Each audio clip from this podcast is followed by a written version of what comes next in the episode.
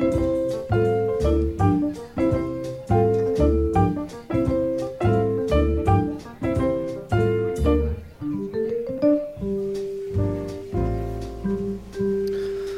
och välkommen till Mikropodden i köket med eh, Mats och Fredrik. Det här är en eh, mikropodd som förhoppningsvis ska kunna ge er inspiration att laga mer mat men också ändra på era matlagningsvanor.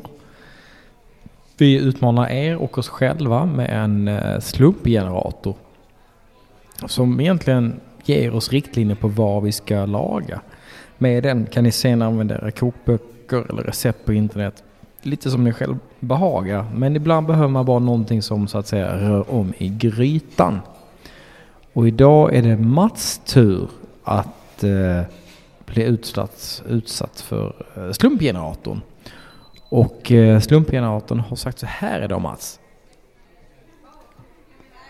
Du ska laga fisk Ja, med fransk touch. Det ska vara rustikt och falla din mamma i smaken.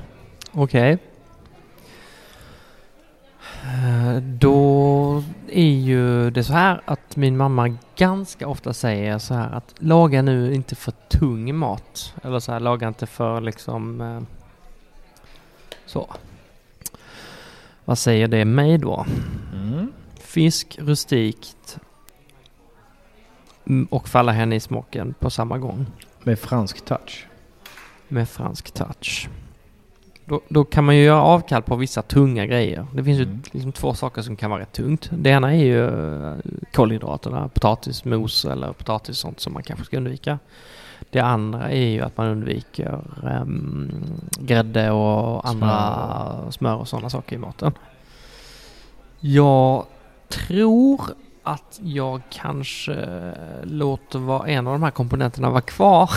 Oftast är det ju kombinationen av de två. Ja, som kan vara tuffa är, liksom, ja. Det tunga. Så lite rustikt också. Det kan man också, det är upp till Mm. tolkning lite. Och nu hoppas jag att under tiden Mats sitter här och gnuggar geniknölarna att ni lyssnare också liksom direkt börjar tänka och fundera på shit vad hade jag gjort? Och eh, antingen så kommer ni på en mycket bättre idé än Mats och står fast för den eller så är det så att Mats bara drar fram ett S och rockar med den här nu alldeles strax och att det, det kanske blir er inspo. Ja. Nej, men vet ni vad? Jag tror nog ändå att jag gör ett ganska, va, en va, ganska va, vardaglig rätt av Mm. detta. Jag ehm, gör ett foliepaket. Mm. Och jag med mandolinen så gör jag väldigt, väldigt tunna skivor av potatis. Så att jag väljer faktiskt bort grädden om jag inte bara stänker lite grädde i detta. Så att jag gör, jag gör eh, skivar lite potatis. Jag köper vitfisk. Mm. Uh, torskfilé eller torskrygg eller, eventuellt så för att om det ska vara lite mer rustik kanske jag tar sejrygg eller något sånt där Mm. som är minst lika bra som, eller typ lika bra som torskrygg fast eh, halva priset. Eh, då får vi en lite mer rustik bag Mm. på det. Så jag gör ett foliepaket där det ligger det ligger torsk, smör, vitt vin, väldigt, väldigt tunn potatis. Kanske av en mjöligare sort för att det ska bli lite mer så stärkelseaktigt i, i Härligt, så hela paketet. liksom, där, Så ja. det blir lite mer sås. Vitt vin är superviktigt. Persilja. ehm, jag undrar om jag ska ha någon annan grönsak. Jag kanske hyvlar lite fänkål i det också. Jag är inne på tomat och då undrar jag om jag eventuellt ska ta en hel burktomat. Alltså burk, hela, burk, hela tomater på burk helt enkelt Mm. finfördela lite istället för att köpa eh, eller för att ta färska tomater för att de kan vara lite sötare och lite mer Mm. så eh, mushiga. Det. Och sen så kör jag det helt enkelt i eh, foliepaket i ugnen eh, så länge som sig bör. Och det är väldigt viktigt att det finns för det för att fisken ska inte ha allt för mycket tid där. Ja, just det. Så att när fisken är klar så måste allting annat vara klart också. Och det, jag kör hellre mycket över potatisen än att fisken blir över. Så därför Mm. är det otroligt viktigt med den här tunnan. Trevligt. Ja, och så, så kryddar man med lite färsk timjan alltså sån, och lite så. Mm. Salt och peppar.